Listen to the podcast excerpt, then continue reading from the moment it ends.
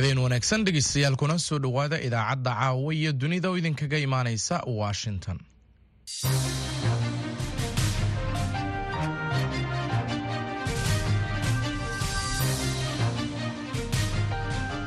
isniin lix iyo labaatanka bisha februaayo sanadka labada kun iyo afar iyo labaatanka. Waxaad naga dhagaysanaysaan mawjadaha gaagaaban ee lix iyo tobanka iyo sagaal iyo tobanka mitirban iyo bogga v o a somaali dtcom saacadda afrikada bari waa toddobadii fiidnimo. Idaacadda caawa iyo dunida waxaa idinla socodsiinaya anigoo ah maxamed bashiir cabdiraxmaan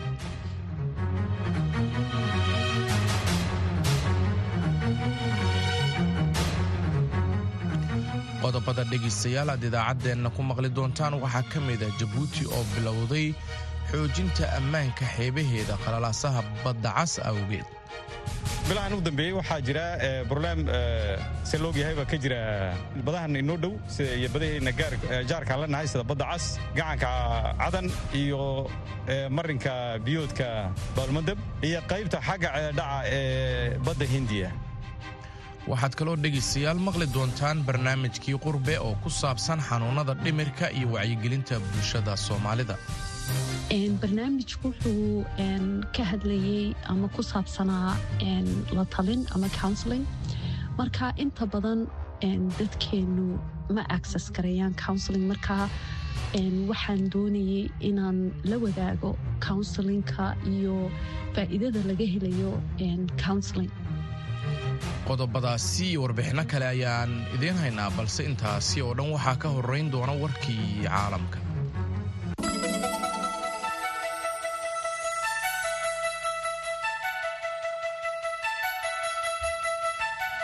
Xafiiska ra'iisul wasaaraha israa'iil benjamin netanyahu ayaa isniinta maanta ah sheegay in militariga israa'iil oo golaha wasiirada dagaalka uu soo bandhigay qorshe dadka looga daadguraynayo goobaha lagu dagaalamayo ee marinka khaza iyo qorshaha howlgalka ee soo socda. Hadalkan ayaa daba socday ballanqaadkii netanyahu ee ahaa inuu horay u sii wadayo qorshe duulaan ay ciidamada dhulku ku qaadaan magaalada rafax ee koonfurta khaza halkaasi oo kalabar dadka rayidka ah ee khaza ay gabaad ahaan ugu guureen bayaanka maanta soo baxay ayaan bixin wax tafaasiil ah oo ku saabsan halka ay falastiiniyiintu u guurayaan. Rafax ayaa ku taalla xadka u dhexeeya marinka khaza iyo masar.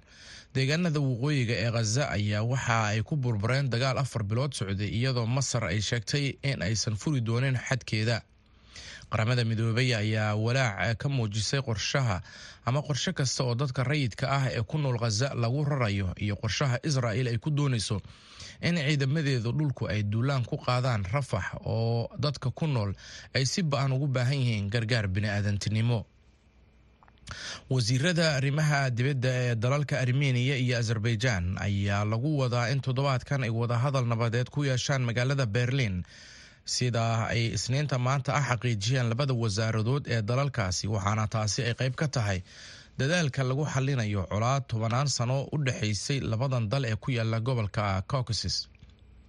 Labada dowladood ayaa ku dagaalay sidii ay gacanta ugu dhigi lahaayeen gobolka gooni ugoosadka ah ee nagorno karabakh ee ka tirsan azerbaijan kaasi oo ay baku bishii hore ama bishii sebtembar ee sannadkii hore dib uga qabsatay gooni ugoosadka armeniyaanka ah muddo toddobaatan kuwaasi oo muddo tobanaan sano ah maamulayay afhayeen u hadashay wasaaradda arrimaha dibadda armeniya ani badalayan ayaa fariin ay soo dhigtay maanta baraha bulshada ku sheegtay in wafdi ka socda wasaaradaha arrimaha dibadda ee labada dal ay kulan ku yeelan doonaan magaalada berliin siddeed iyo labaatanka iyo sagaal iyo labaatanka bishan kulanka ayaa loo qorsheeyey sidii lagu heshiiyey wadahadaladii kulan saddex geesood ah oo ka dhacay magaalada munikh ee dalka jarmalka oo ay ka hadleen ama ku wada hadleen ra'iisul wasaaraha armeniya nicol bashinian iyo madaxweynaha azerbaijan ilham caliyef kaasi oo la qorsheeyey in kulankan la qabto.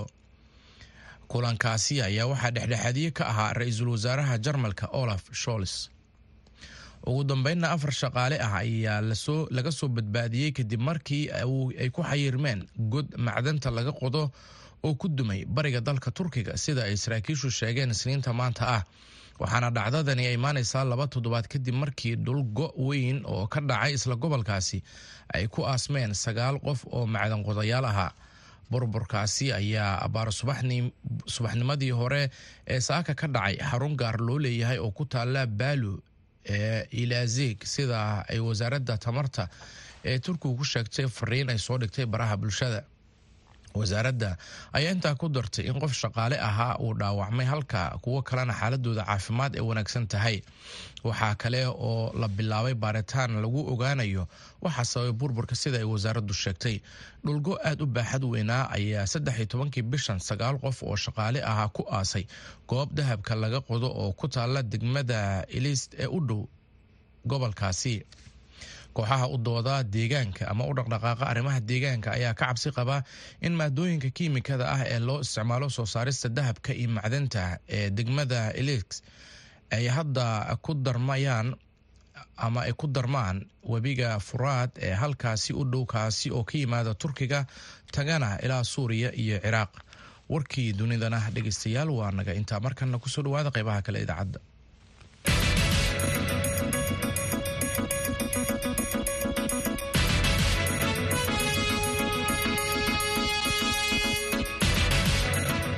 halka dhegeystayaal wararkaasi aad kala socotaan waa laanta afka soomaaliga ee v o a oo si toos idinkaga imaaneysa washington. Dowladda jabuuti ayaa sheegtay inay bilowday maalmahan xoojinta ammaanka xeebaheeda si ay u xasiliso nabadgelyada maraakiibta ku soo xiranaysa dekedaha jabuuti.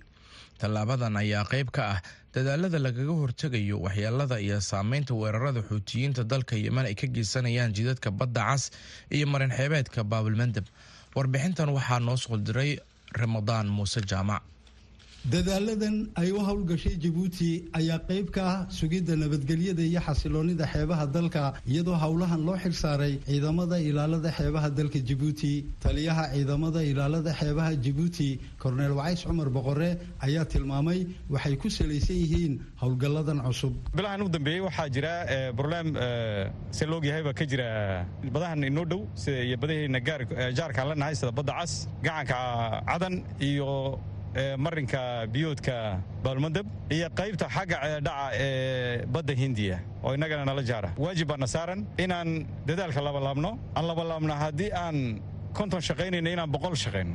Haddaan toban saacadood shaqaynayna inaan labaatan ilaa soddon saacadood ku biirano shaqayno sidaan u ilaashanno nabadgelyada biyaheenna iyo badaheenna intaba.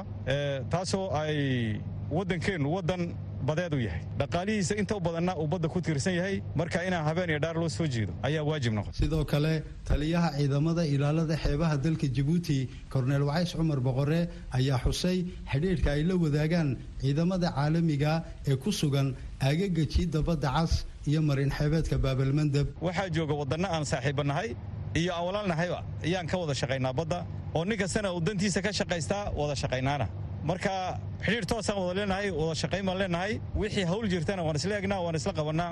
Wax alla wixii ku saabsan nabadgelyada badda ee ka dhigaya markabka iyo dadka wataba siday nabad ugu mari lahayeen biyaha. Community internationaalka ciidamadooda badahee imanka baddan badaheenna u dhow jooga. Calaaqaad fiican baan la leenahay waxaanan u shaqaynaa sidii koox qura ahaatay sidoodii ayaan wada shaqayna ciidan qura sidooda wada shaqaynaa aragtidoodan waan ka simannahay annagu kama toosuma gallo ogamana qayb gallo. Laakiin haddii ay dee dhibaatadu ay nagu soo dhaqaaqdo oo ay soo waajahdo waddankeenna dee waxaan nahay liin ka horreeyaan saf ka horreeyaan ku jirnaa waxaanse imika biyaha kalena waan ka shaqaynaa. Inta yadoon ma ilaalino inta kale dibaddana waan ku darnaa oo waxaan ugu darnaa si aan toos ahayn baan ugala shaqaynaa. Rabadaan muuse jaamac v o a jibuuti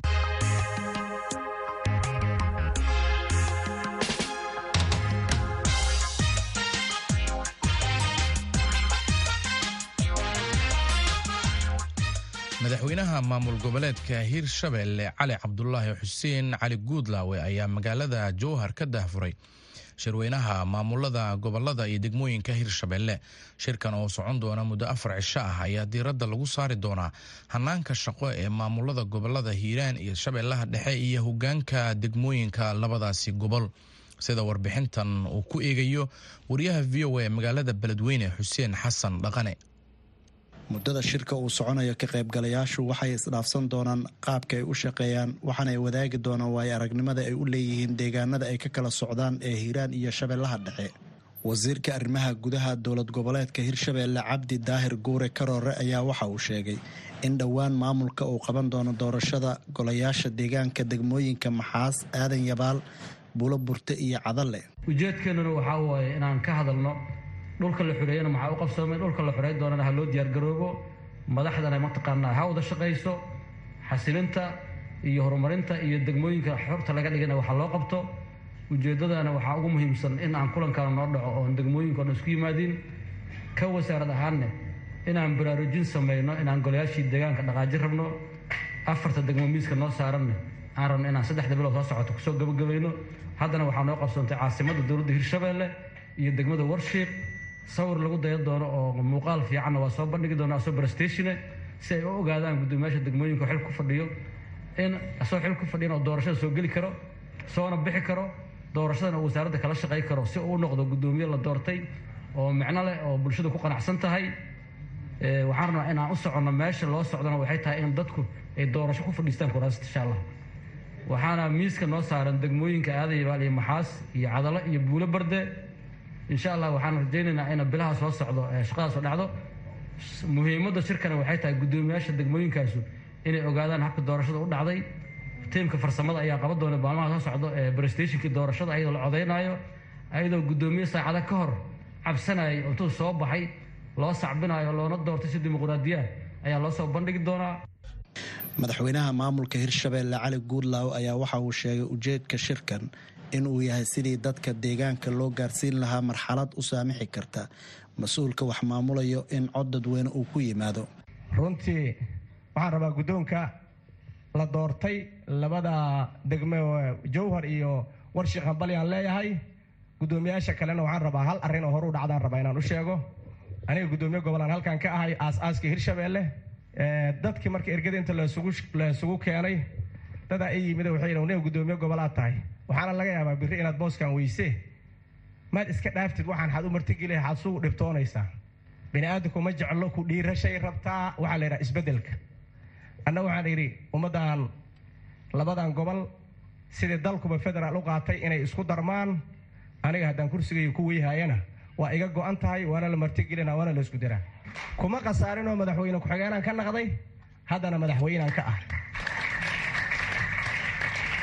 idinkana waxaa laga yaabaa guddoonaad ka naqan doontiin heer istaydaad gaari doontiin heer gobol iyo heer istayd meeshaad rabti inaad imaan doontiine. Ha lagu dhiirado isbeddelka faa'iido badanaa ku jirte.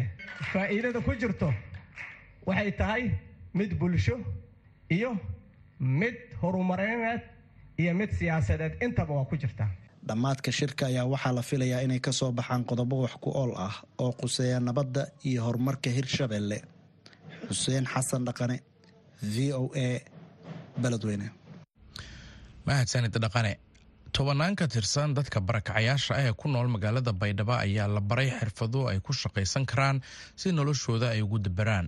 Warbixintan waxaa magaalada baydhabo ka soo diray mukhtaar maxamed catoosh.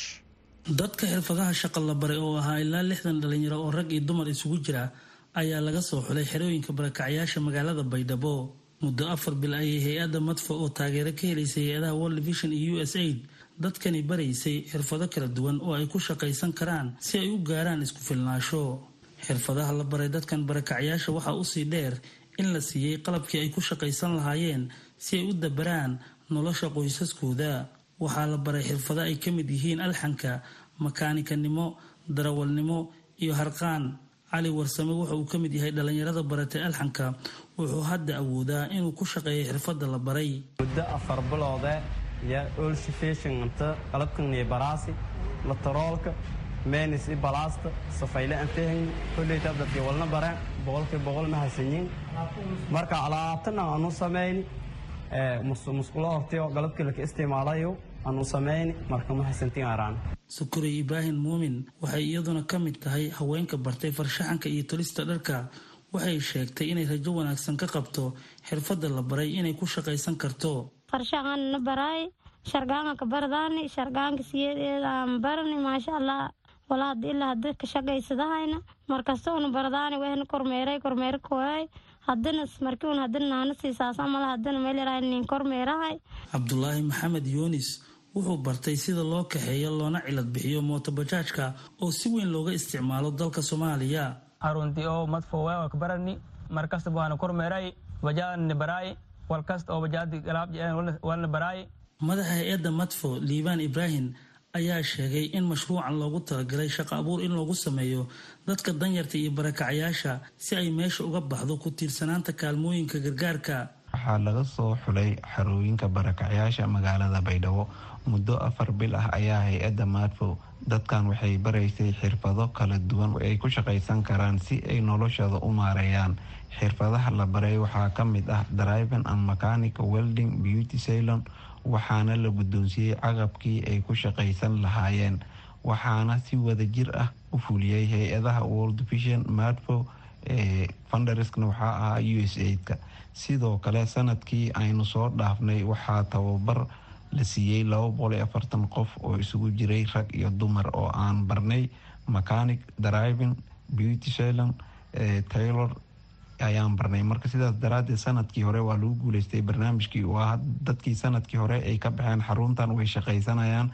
Lix bilood kadib waa la soo kormeera saa ujeedin muuqaalkan aad ujeedin waxaawaay dadkii tababarka horey u qaatay waay ayagoo shaqaysanaya oo darivernimo ku shaqaysanaya harqaan tolaayo beauty shayland sameynayo. Marka sidaas awgeed waxaa maanta aan u soo xirnay haddana afar bilood ay dhiganayaan lixdan iyo kow qof oo caqabkii iyo la siiyey oo ay si wadajir ah ay ugu faa-iideysteen marka sidaas daraadeed maadaama ay biyaashu awal hore la siin jiray kaar ama raashiin hadeertan waxaa la baraya xirfado si ay noloshooda ay u maareyn karaan oo u shaqaysan karaan. Hadda labada boqol afartanka qof aan kuu sheegayo way shaqaysanayaan dhammaantood bil walbana lagu soo kormeera caqabkii la siiyey ayay ku shaqaysanayaan.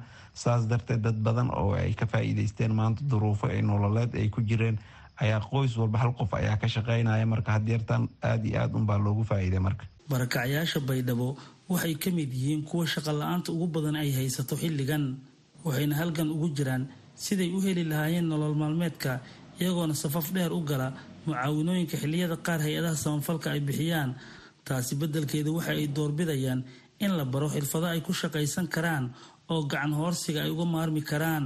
Mukhtaar maxamed catoosh v o a baydhabo. Mahadsanid catoosh. Weli dhegeystayaal waxaad nagala socotaan laanta afka soomaaliga ee v o a oo si toos idinkaga imaaneysa washington fiidnimo wanaagsan war kale.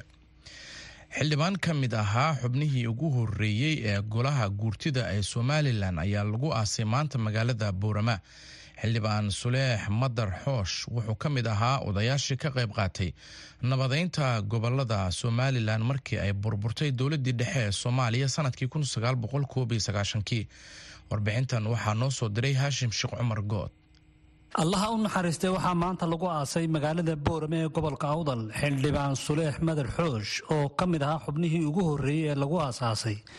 Golaha guurtida somalilan shirkii lagu yegleelayay dowladnimada somalilan sannadkii kun iyo sagaal boqol iyo saddex iyo sagaashankii marxuumka ayaa ku dhashay magaalada boorama sannadkii kun iyo sagaal boqol iyo sagaal iyo tobankii wuxuuna ka mid ahaa dhallinyaradii bilowday fanka soomaalida ee loo yaqaanay balwo bilowgii kun iyo sagaal boqol iyo saddex iyo afartankii sidoo kale wuxuu ka mid ahaa kooxihii ciyaari jiray ciyaaraha kubadda xeegada xilliyadii gumaysiga ingiriisku joogay somalilan taariikhdiisa oo kooban xildhibaanka ayaa waxaa ka waramay xuseen maxamed miisaan oo uu waalid u ahaa. Qatlmowt maalin walba naftu waa dhiman doontaa waanu ku xukumanahay maanta waxaa naga baxday maktab ama buog weyn ama daftar weyn oo arkiifiya alla u naxariistay xildhibaan xuseen madar xoosh oo ku magac dheer suleex oo odayaasha tiirasha somalilan ama soomaaliyad aad loogu aqaano taariikh badan ku lahaa. Runaantii aniga suleex wuxuu ii sheegay adeerkaybuu ahaa waalidkaygabuu ahaa wuxuu ii sheegay inuu dhashay kii uu ku dhashay magaalada boorama gobolka awdal oo markaa ahayd. Wuxuu iga sheekayn jira taariikho badan waxaan ahaa qofka ugu dhoweeya inta badan waqti la qaadan jiray ee xulmeelaha dadku isku kulmaan ku kulmi jiray waxaan ku horbarbaarnay gacantiisa waxaan ku horbarbaarnay kaftankiisa qosalkiisa dadmadiisa wuxuu ahaa qof mabsuuda farxaan badan yar iyo weynba la kaftama deeqsiya. Qof masaakiin aan dhaafayn taarikhda iga soo sheekeyey waxaa ka mid ahaa. Waqtiyadii uu seylac ku noolaa iyo xaafadaha seylacsii ahaan jireen iyo toddoba xaafadood seylac ka mid a waqtiyo badan wuxuu ku noolaa dalka yaban waqtiyo badan wuxuu ku noolaa dalka sacuudiga. Marxuumka ayaa waxyaabaha kale ee lagu xasuusto. Uu ku tilmaamay xuseen waqtigii jaamacadda camuud dhisayay wuxuu ka mid ahaa dadkii fundigii ama dadkii gacanta ku hay dhismaha weyne jaamacadda jaamacadda camuud. Dhismaheega markuu sekondariga la dhisayey waxuu iga sheekeeyey dhismihii dalka iyo waxa loo soo maray iyo mudnaanta uu siin jiray nabaddu waxay tahay. Wuxuu nooga sheekeyn jiray oo aad u jeclaa dowladnimada dabdhiska nabadda wuxuu nooga sheekeyn jiray jeclada wadaniyadda dadka inuu jeclaadaan wadaniyadda ay tahay wuxuu ka mid ahaa dadkii xeegada iyo sayligaad ku ciyaari jiray. Wuxuu ka mid ahaa waqtiyadii wuxuu iga sheekeyn jiray hargeysa ay ku wada ciyaareen.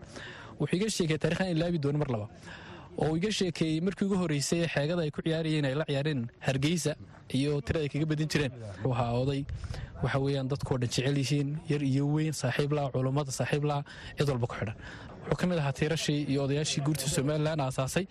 Wakhtigii nabadda ugu horreysay ee maanta nabadda ku nool somalilan dhisdeedii dalka. Sidoo kale xildhibaan oday xaaji cabdi oo ay marxuumka ka wada tirsanaayeen golaha guurtida somalilan ayaa isagu tacsi u diray qoyskii iyo golihii uu ka tirsanaa sheegayna inuu ahaa xubnaha tirada yar ee ka hadhsanaa aasaasayaashii golaha guurtida lagu bilaabay maanta waxaanu joognaa tacsidii sulix madal xoosh wuxuu ahaa nin qaali ku dalkan iyo dadkan wuxuu ahaa raggii guurtida somalilan lagu sameeyey raggii boorama saldhigga iyadoo sidaa u lulmanaysa cagaa u dhigay ayuu ka mid ahaa guurtidii sheekh ibraahim sheekh yuusuf ka mid ahaa xaji cabdi xuseen ka mid ahaa sheekh muuse goodaad ka mid ahaa sheekh cabdilaahi sheekh aljawhar ka mid ahaa xaaji axmed miisaan ka mid ahaa cabdiraxmaan cileeye ka mid ahaa raggaasay ahayn raggaasi taariikhda lagu ilaawi karo ninka garanaya ma aha. Waxaan leeyahay raggaasi raggii somalilan tiba ku tabcay. Ummaddaas nin weliba qorigiisa sito nin weliba qofba qof dilayo raggii qoryaha naga dhigay ee miyiirsadana yidhi tooda la raacay buu ahaa xoogna lagagama dhigin kulligayo. Caqlaana lagaga dhigay. Ilaahay caqligaah noo soo celiyaan leeh ninkii garanayowna raggaa xasuuso wanaag. Waxaa xabaalahooda loogu ururayaa ee markhaatiga loogu yago wanaag. Waxaan leeyahay waa taariikh dheer ayuu sulu axmed la leedahay. Maanta iyo raggii ka horreeyba raggiina wax qoraa ee bugaagta qorow taariikhda ururiya si iskuullada loogu dhigo oo loogu sheego da'yarteenna da'yarteenna waxba taarikh maynaan sheegin. Qofna wuxuu qabtay maynaan sheegin. Muran iyo xasad baynu isla galle hana loo soo duceeyo silax madar baan leeh iyo kuwii ka horreeyba. Marxuumka ayaa aaskiisa waxaa ka soo qayb galay xubno ka tirsan golayaasha sharci dejinta ee somalilan ee guurtida iyo wakiilada iyo sidoo kale xubno wasiire ah iyo maamulka gobolka awdal iyo ka degmada. Haashim sheekh cumar good v o a boorama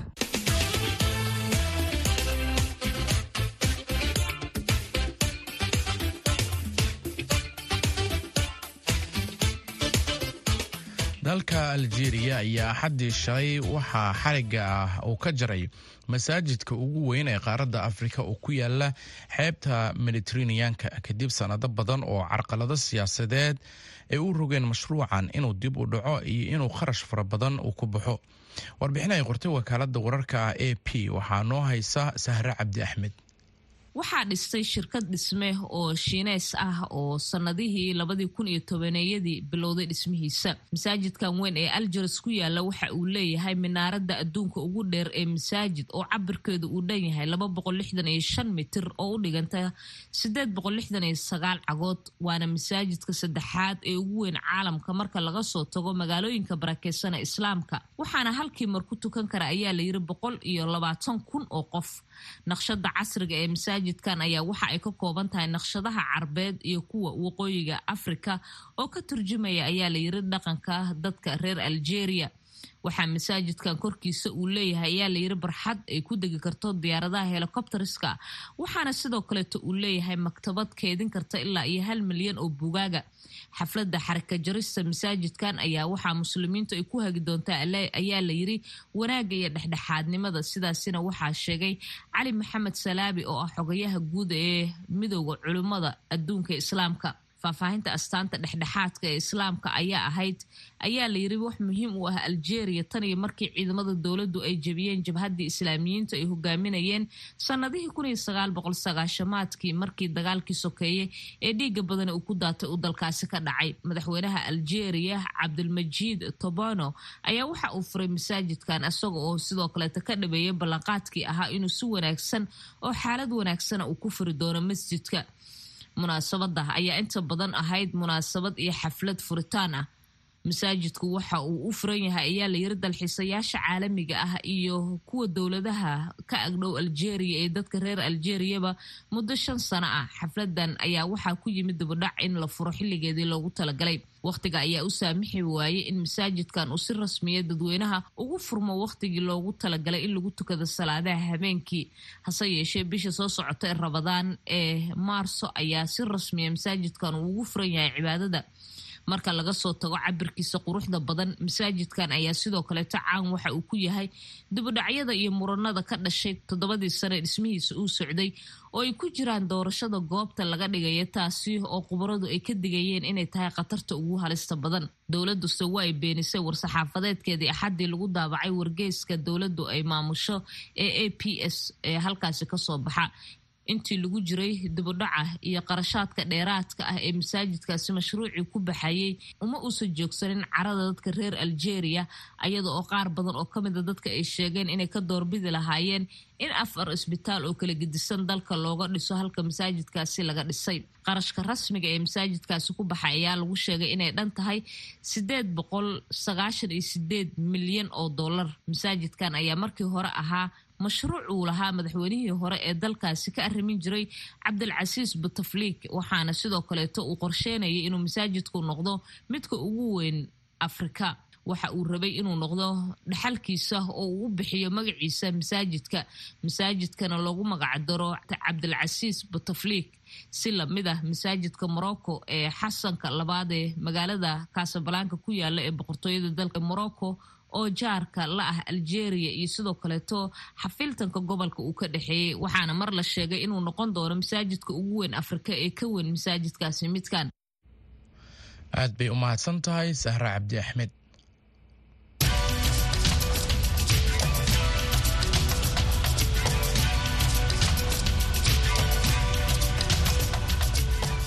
xafiiska ra'iisul wasaaraha israa'iil benyamin netanyahu ayaa sheegay isniinta maanta ah in militariga dalkaasi ay golaha wasiirada ee dagaalka soo hordhigeen qorshe ay dadweynaha uga daadgureynayaan goobaha dagaalka ee marinka khaza iyo weliba qorshaha xiga ee dagaalka.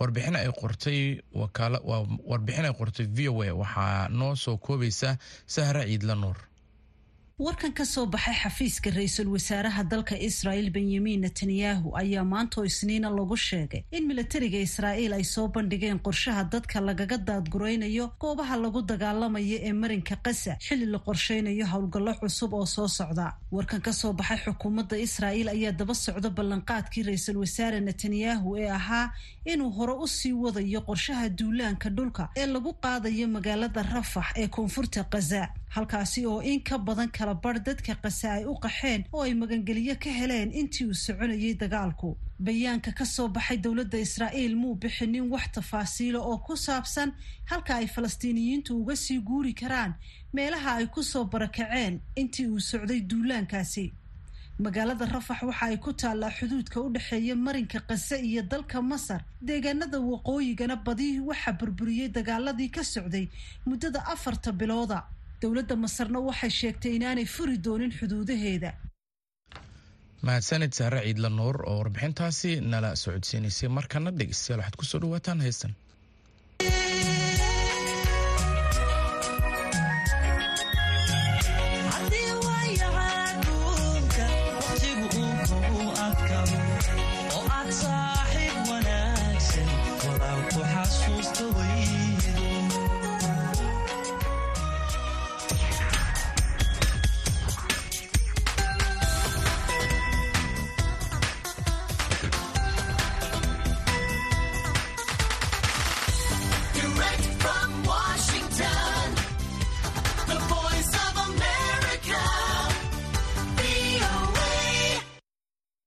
fiid wanaagsan dhegaystayaal ku soo dhowaada barnaamijka todobaadlaha ee caweyska dhadhaab kaas oo idinkaga imaanaya. La'aanta afka soomaaliga ee v o a reedooga xeryaha dhadhaab barnaamijka toddobaad walba waxaad ku dhegaysataan labada mawduuc ay ugu hadalheynta badan yihiin bulshooyinka ku nool xeryaha qaxootiga iyadoo dhegaystayaasheena dhadhaab iyo deegaanada ku xiran ay si toosan uga dhegaysan karaan idaacadda f m-ka v o eda dhadhaab ee ka soo gasha mawjada f m-ka hal eber lix dhibic toddoba megahartis barnaamijkeena caawa qodobada aad ku maqli doontaanna waxaa ka mid noqon doonaa dhallinyarada ku nool xeryaha dhadhaab ayaa soo dhoweeyey tallaabo dowladda kenya ay kula dagaalamayso isticmaalka maanduuriyaha oo dhibaato badan ku hayay bulshada ku nool xeryaha qaxootiga. Sidoo kale barnaamijka waxaa qeyb ka dhalinyaro qaxootiyaha oo ka faa'iidaystay tababar ku saabsan la tacaamulka bulshada. Kama marna xubintii shakhsiga oo toddobaadkan marti ay noogu tahay maryan ciise rooble oo ah hooyo qaxooti ah oo muddo laba bilood ah aan qaadan gargaarka la siiyo bulshada qaxootiga ah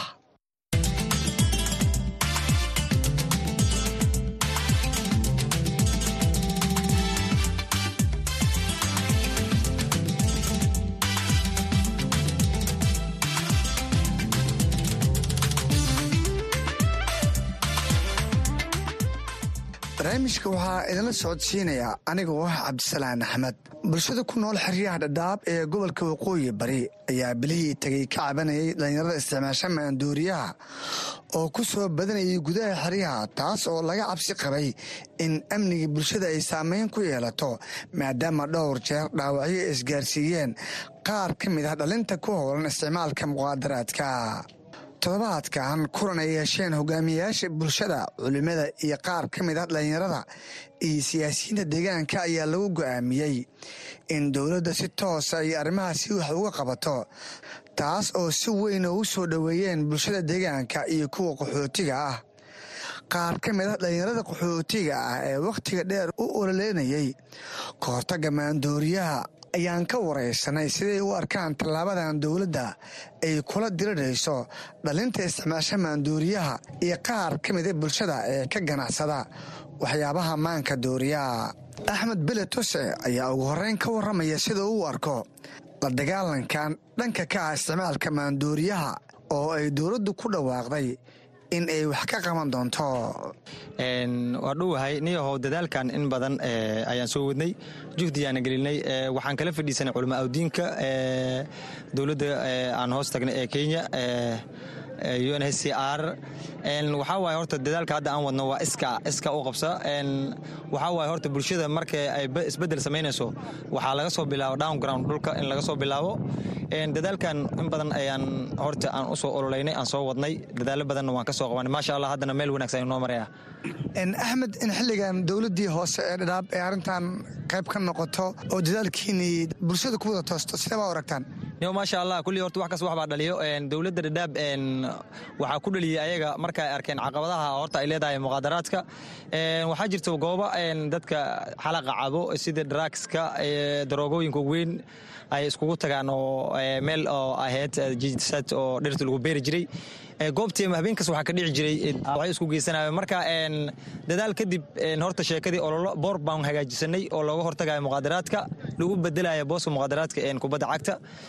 Alxamdulilah waa ku guuleysanay in badan oo hadda dhallinyaro ee kooxyo aan ka samaynay ayaa jirno oo muqaadaraadka isticmaali jiray oo koox aan ka dhignay.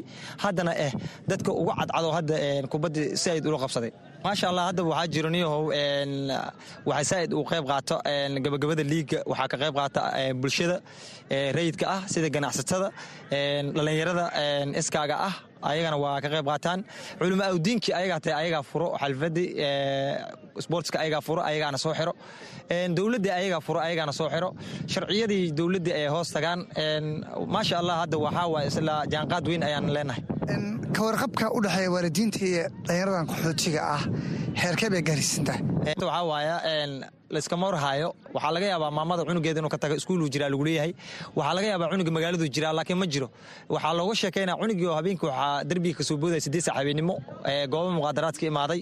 Cunugii oo dhib uu la kulmay ama jareexa soo gaartay ayaa iska imaanayo marka waxaa jiro waalidka kama warhaayo ubadka meeshuu aaday aad buu u mahadsan yahay kaasan wuxuu ahaa axmed bile oo ka mid ah dhallinyarada xeryaha oo noogu warramay.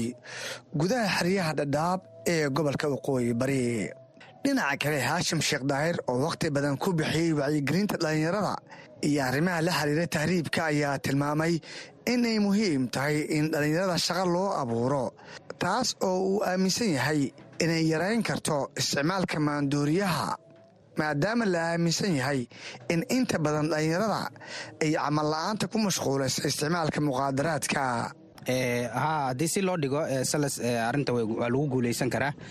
Dowladda lama rabo in oo maaragta xoog la isticmaalo si xeelad ay u baahan tahay. Dhallinyarada waxyaabaha ku dhaliya waxyaabahan waxaa ka mid ah arday waxaa jira iskuullada ama dugsiyada sare ama dugsiyada hoose ka baxeen ama qaarkooda madaaris ka baxeen oo haddana shaqola'aan ay ku qasabtay inay maaragta balwad isticmaalaan ama meelo qaldan ay fadhiistaan sidee ba marka arrintaasi xal lagu keeni karaa maadaama aad sheegtay in shaqalaan baahsan ay xeryaha ka jirto? Salas saad ogeedba sanadadii aan soo dhaafnay waxaad moodaa in qaxootiga hay'adihii ka shaqaynayay ay yaraadeen oy dib ula laabteen caawintii iyo waxbarashadii ay suubinayeen. Waxaa la suubin karaa dhallinyarada waxaa jirta shaqada midda aqoonta keli ma aha mid xifradeed ayaa jirta oo loo suubin karo. Qofka haddii shaqo xifradeed loo suubiyo ama xoogshi loo suubiyo ama sida hadda maaragta vocational trainingka maaragta balambinka ama waxyaabaha la baro qofka xoog buu ku shaqaysan karaa ama solarinka sida loo saaro korontada sida loo xirxiro. Haddii la baro nimankan dhallinyarada aan waxba baranin xoosigaas ay suubin karaan. Marka waxaan aniga dhihi lahaa waxaa looga qayb qaadan karaa iyadoo dadkii aqoon sare loo kordhiyo xagga shaqadana maaragta dadka shaqola'aanta shaqa loo abuuro hashim caqabadahan qayb ma ka tahay? Taydii waxbarashada oo aad u xumaatay.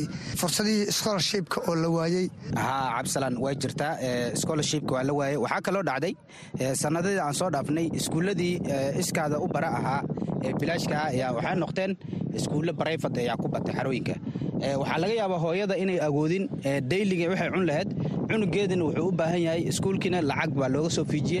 Sida hataa madrasooyinka ama dugsiyada qaar lacag bay noqdeen. Waagii hadda annaga aan wax baran jirna cabsalaan markaan ku soo qaado tusaale ahaan bakeeri saliid ah iyo koob bur ah iyo wax baan bixin jirnay wax yaroo micno lahayn. Alxamdulilah aqoonta hadda taallo mid ka wanaagsan ayaanan baran jirnay. Macalinka mid wuxuu ahaa diyaare oo ardayga inuu si daacad a qalbiyan wax ugu baro.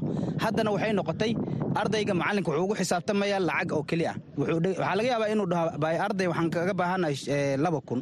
Maamadan waxaa laga yaba inay shan cunug qabto. Shan cunug laba kun maamada ma agoodo ilmihii mid marka darka ka baxaya oo maalin asagoo gogoynaya la arki waxaa la dhihi kan waxba ma baran rabee.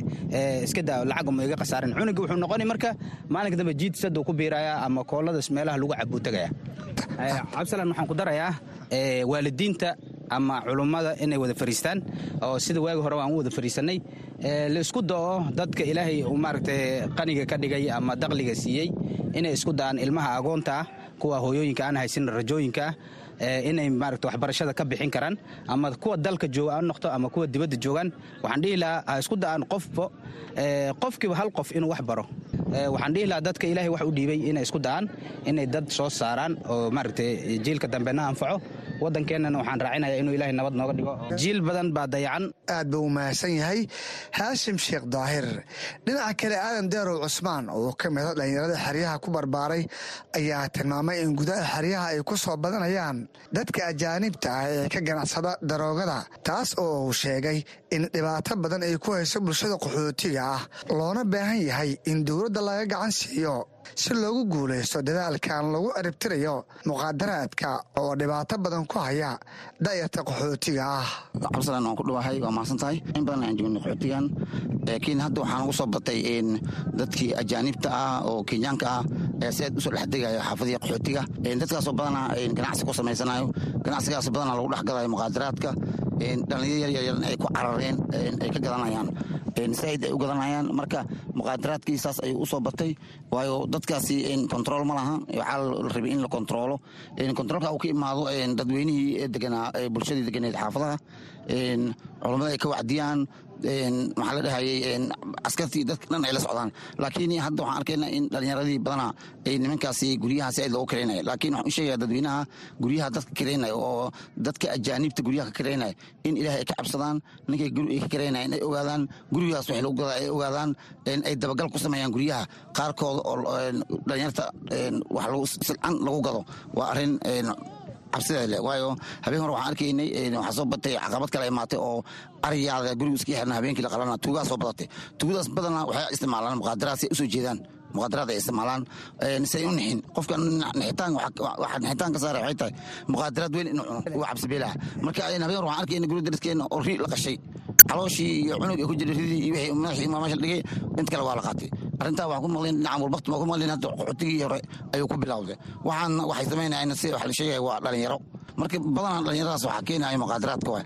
Marka waxaan dhihi lahay dadka muqaadaraadka iibiyo dadka guryaha ka kaceeyo in arintaasi ay ka fajignaadaan bulshada qaxootiga dowladda iyo shaqada ku halayn bulshada doorkeeda ka ciyaarto doorkeeda ha qabato dowladdana doorkeeda ha u farto u sheeg dowladda hala shaqayso haddii dowladda la shaqeeyo wax halaabayaan marka waxaa muhiim ah dhallinyarada waxaas ku fal leh in arrintaasi ay ka fajignaadaan ayagana ay iska dhaafaan ilahay ka cabsaan. Dadka karaynaya guryaha karaynayaan in ilahay ka cabsaan ee guryahooda waxay karaynayan wax kalena ay la socdaan muhiima aad buu umahadsan yahay kaasan wuxuu ahaa aadan deerow cusmaan oo ka mid ah dhallinyarada xeryaha oo noogu warramay gudaha xeryaha dhadhaab ee gobolka waqooyi bari waxaa soo gaarnay qaybihii dhexe barnaamijka caweyska oo si toosa idinkaga imaanaya laanta afka soomaaliga ee v o a. Waxaa idinku soo maqan sheekooyin kale oo ku aadan isla wararka qaxootiga. Balse iminka idinku warejiyo saaxiibkay axmed cabdulaahi jaamac oo istuudiyaha igula sugan si uu nagu soo tabiyo barnaamijka qaybihiisa kale. Mahadsaned cabdisalaan axmed dhegaystayaal waxaad nagala socotaan. Barnaamijka caweyska dhadhaab aad ka dhegaysanaysaan laanta afka soomaaliga ee idaacadda v o a waxaanu barnaamijku si toosa idinkaga imanayaa xeryaha dhadhaab ee gobolka waqooyi bari ee kenya. Ku soo dhowaada warbixinno kale oo la xidhiira nolosha dadka ku nool xeryaha qaxootiga oo qayb ka ah barnaamijka caweyska dhadhaab ee toddobaadkan. Waxaa ka mid a qodobada aad ku maqli doontaan xubintii shakhsiga oo toddobaadkan marti noogu tahay maryan ciise rooble oo ah hooyo ku nool xeryaha qaxootiga oo iyada iyo qoyskeedu aanay wax gargaara qaadanin muddo laba bilooda oo aan ka waraystay sababta keentay culayska la soo dersiyey qoyskeeda. Waxaad kale oo maqli doontaan qaar ka tirsan dhallinyarada xeryaha qaxootiga oo ka faa'iidaystay tababar ku saabsan habsami wada noolaanshaha bulshada iyada oo laga eegayo dhinaca shareecada islaamka. Haddii aan ku bilaabo dhegaystayaal xubinta shakhsiga maryan ciise rooble waa hooyo leh siddeed carruura oo muddo saddex iyo toban sana ah ku nooleed xeryaha qaxootiga. Maryan oo qoyskeedu uu ka mid ahaa qoysaska qaata kaalmada raashinka iyo gunnada lacagta ah ayaan muddo laba bilooda wax kaalmaa u xaadirin. Maryan waxay sheegtay in wiilay dhashay oo kooxo aan la aqooni ay u kaxeeyeen meel ka baxsan dalkan kenya. Uu sababay inay rahan u dhigto kaarkeedii raashinka iyo kii ay ku qaadan jirtay gunnada lacagta si ay u hesho lacag ay ku soo furato.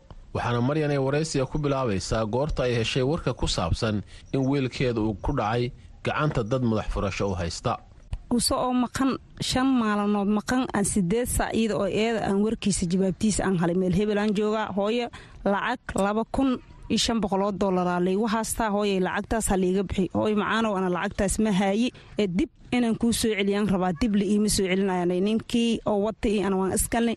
Markii uu kugu yidhi laba kun shan boqoloo dollar baa lagaa rabaa. Adiga iyo dadkii haystay ma wada hadasheen xaggee baan wiilka u wadnaabay dhaheen lacagta ay kaa rabeense meeqay ahayd waxaan u wadnaa i dhaheen wiilka south african u wadnaa boqoloo dollaraa lagaa rabaa. Maama wiilkaada meesha aan ku heshinay inaan geyna ee lacagtaas iska bixi lacagtaas anay awood ma u haay ilaahay baa ilowg anigaa xanuunsan oo qadahayaa wiilka ii soo celiyaan ku dhahi haddaan kuu soo celinaya lacagtaas isii lacagtaas ma hay waan isku qalaafnay.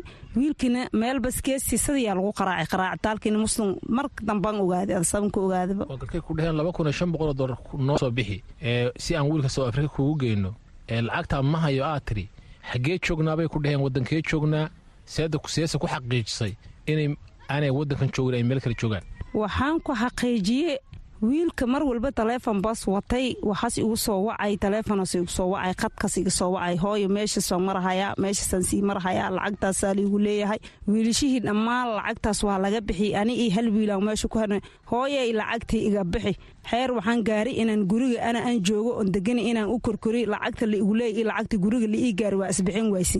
Anay alowda adeegan sameeyee waan ka aamusay markaan ka aamusay laba maalin iyo laba habeen hadalkiisa waa layga reebtay. Markii dambe soo la qaraacayaa layla soo hadlay. Meeqa lacaga ay kaa codsadeen ku dheen intaasaan kaa rabnaa si aan wiilkaa kugu soo celino. Maxaase samaysay? Marka ida waxaas idhe kun iyo shan boqol dollar lacag ee isii wiilkaada hagardheeraan kuugu keenaa dollar. Haddaan haysta wiilkan hore u wadan lahaay walaalow lacagtaas ma haystii wiilka ii soo celi wax hal eh oo musulnamo eh ila hadal. Wiil soomaaliyeedad ee laakiin aniga oo dollar lacag ee ma halagari haddaan hala kara waa wiilkaaba ii dhoof lahaa ii shaqagala lahaayaan ay anfac lahay laakiin lacagtaas ma halagari lacag labaatan kun ee aan kuu soo raadina wiilka ii soo celi adaa lagu dhahaa adaa bixin doontaa lacagtaas waa ii hinjibi ana waan ka aamusi wiilkii markii dambe adoonaas u dhihi waa qaraacay. Lacagtaas toddobaatan iyo toddoba kun ay iiga baxday ilaa iyo shan iyo toban kun oo adoonka ah. Lacagta aad wiilkaa ka bixisay si aad u soo celiso xagee baa ka keentay lacagtaas waxaan ka keenay kaarkeedii iyo jukulada ilmihii use ka yaryaraayeen ku noolayeen naftiisa ooynaysa markaan maqlay hooyaan ee ahay. Inta sagaal unuga ii joogta sagaalkaas unug hashaas naf baan ka teermuti oo addoonta haysoo la qaraacay. Waa sagaalka muslimiinta ay ku dhex jiraan ilaahaykii khafuurraxiinka ay u xisay baa cunto u eh. Laakiin ninkaas gacan cadowaa ku jira inaad wiilkaas ii soo fakada darteed aan sagaalkaas aan u dhuun jaray. Kaadhkii baad qaaday iyo kaadhkii raashinka iyo kaadhkii kale ee lacagta ay ku soo dhacaysay gunnada ah kulli waad qaaday qof baad u geysay meeqa lacaga ayaa ka soo heshay qofkaas. Qofkaas waxaan ka soo halay qofka oo raashinka kaarkiisa iyo jukulada toddobaatan iyo toddoba kun iyo shan boqol lacag ee baas isoo siiyey shan iyo toban kuna gabar deris aan eena qarta igu siisay walaalay haddii wiilkaada la qaraacahay awood ma lihi waqta alla waqtiga ilaahay kaa keena.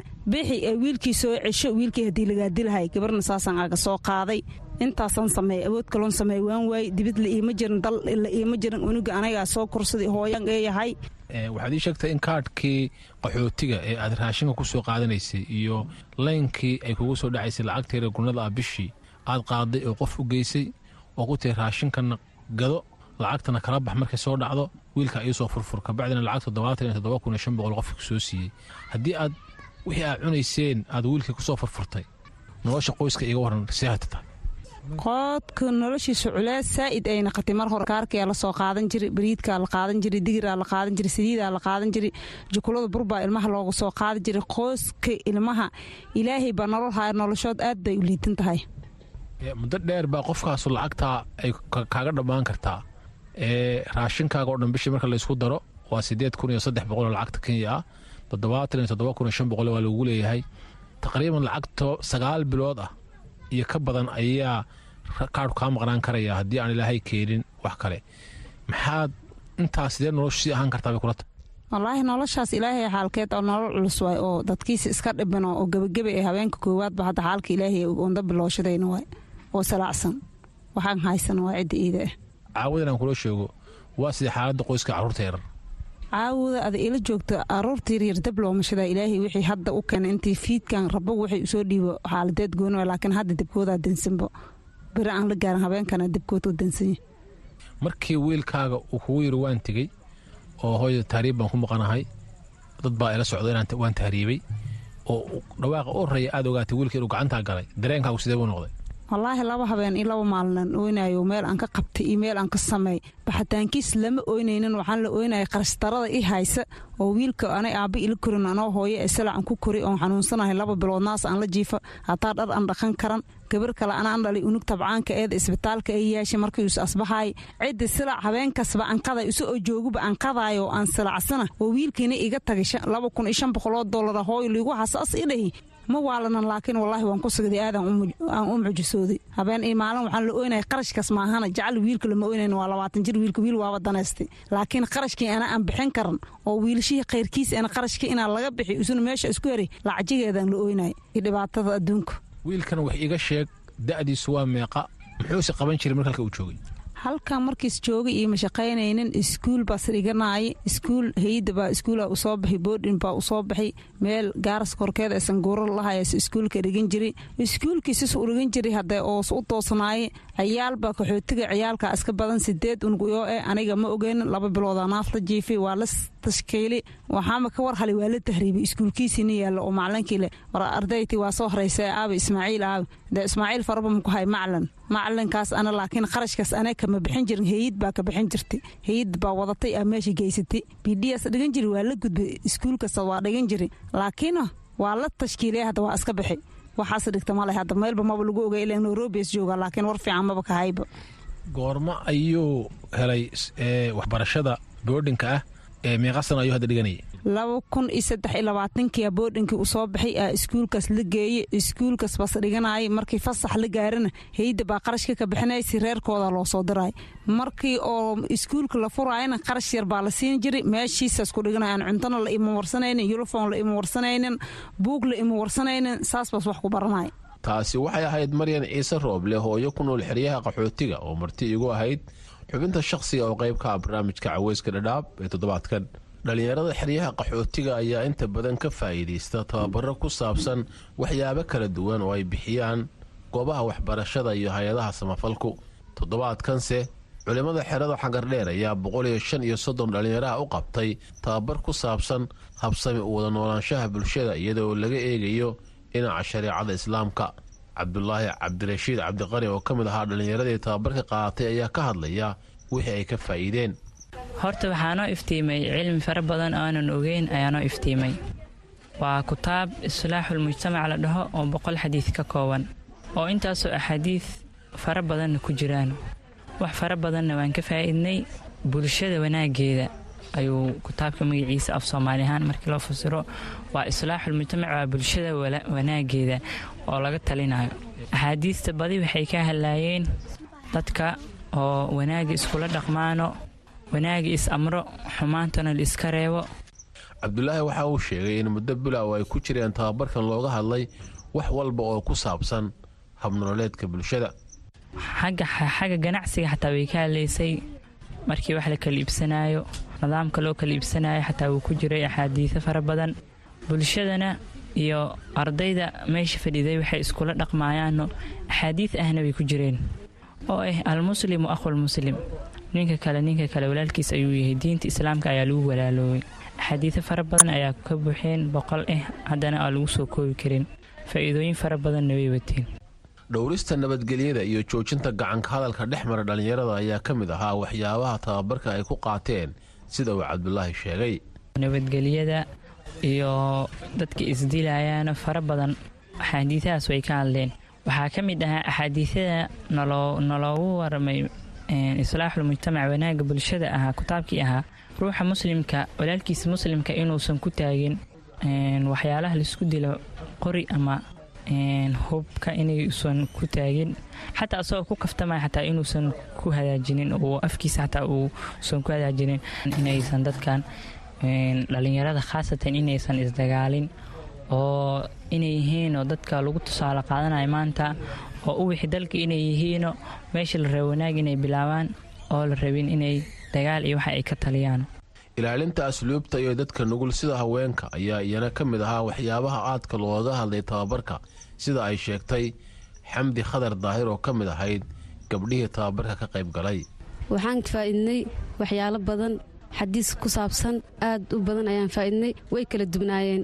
Waxay ahaa islaaxulmujtamac wuxuu ahaa dumarka xadiiska oo dumarka oo ka hadlayo dumarka bas ku saabsan. Qaybba meel baa loogu qabanayey aad ayaan oga faa'iidnay alxamdulilah waxyaalo badan nooga qarsoona ayaan noo iftiimay macalinkeena oo mahad celinaynaa way arkeen inta badan way ka soo qayb galeen. Inta arkinna insha allah waxaan isku dayaynaa mar walba inaan gaarsiino annagoo guryahooda ugu tagno annaga aan dhahan imaada ka soo qaybgalo aan u sheegno xamdi ayaa xustay. In tababarada noocanih ay muhiim u yihiin bulshada gaar ahaan gabdhaha ayna laga maarmaan tahay in laga qayb qaato. Hadda aad ayay fidnada u badatay. Waxaa arkaysaa gabdho iska qaaban xijaab gaagaaban qabo. Waxaa arkaysaa waxyaalo badan ayaa arkaysaa. Xaqiiqatan hadday kitaabkaas qaybgeli lahaayeen madaariista imaan lahaayeen aad ayay u yaraan lahayd. Marka waxaan leeyahay gabdhahaas walaaladaya ka soo qaybgala imaada mar walba xijaabkana ku dadaala dhallinyarada ayaa sheegay in waxyaabihii ay barteen ay dib ugu celin doonaan bulshada gaar ahaan dhallinyarada aymigooda ah sida uu sheegayo cabdifataax siyaad maxamed. Laba qof oo walaala ah hadday isdagaalaan in la kala qabto oo wanaagga loo kala sheego oo midka gardaran la qabto oo xaqa loo sheego. Habeen iyo maal ayaan ka fikiraa mar walba waan ka fikiraa inaan gaarsiiyo dhallinyarada iyo kuwa da'aadeyda inaan wada gaarsiiyo inaan baro. Wakhti badan ku bixiyo aad iyo aad baan u rajaynaya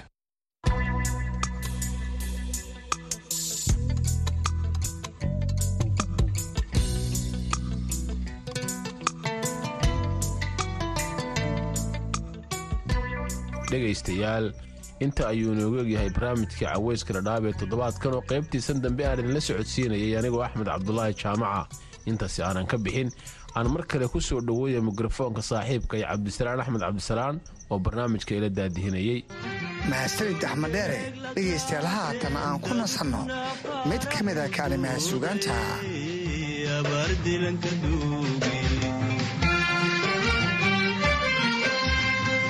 wanaagay u deeqday qiyaas laguma doone annadaymadaadiyo jacaylkaagan daala waa mid laygu daawe.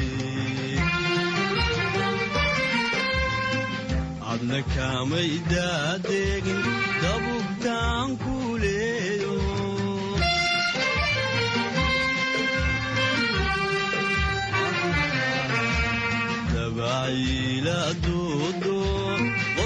digic kaa siise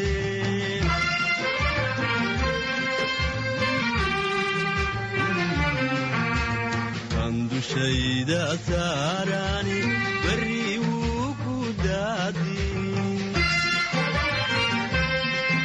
deeqay walaaley daalado manuuni kaalado dabkay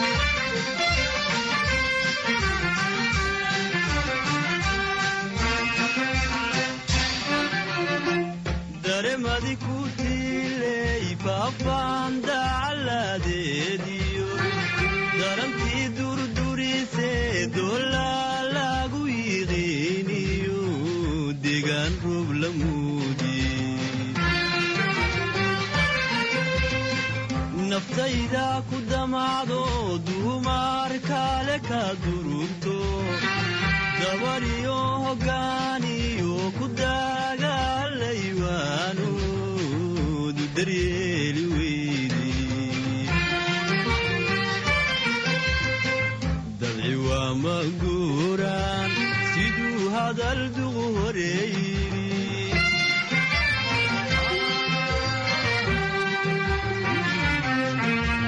intaadaysu dalawaada idaryeela noqo adanku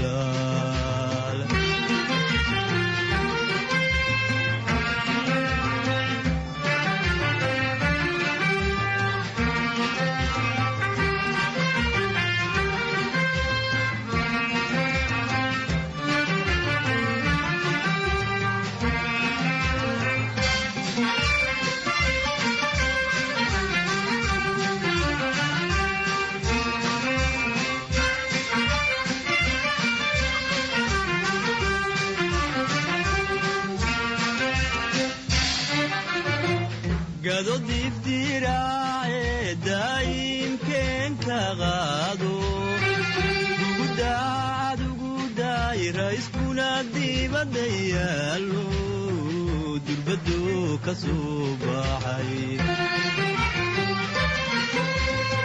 Cosabkeedu diyahay waa dabci lagu yiqiine annadaymadaadiyo jacaylkaagan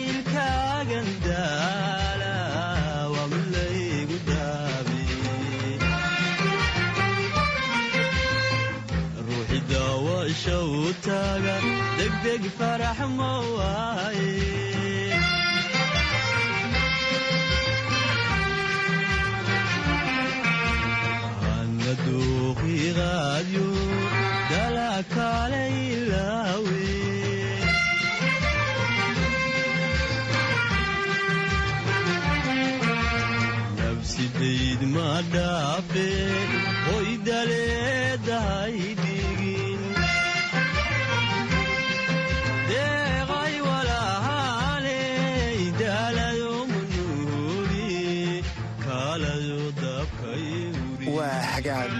dhegaystayaal barnaamijka caweyska ee toddobaadkan halkaas ayaan ku soo afmeerayaa barnaamijka waxaa idiin soo tabinaya anigoo cabdisalaam salas iyo saaxiibkay axmed deere tan iyo toddobaadka dambe intaa dib u kulmi doono waxaan idinku dhaafaynaa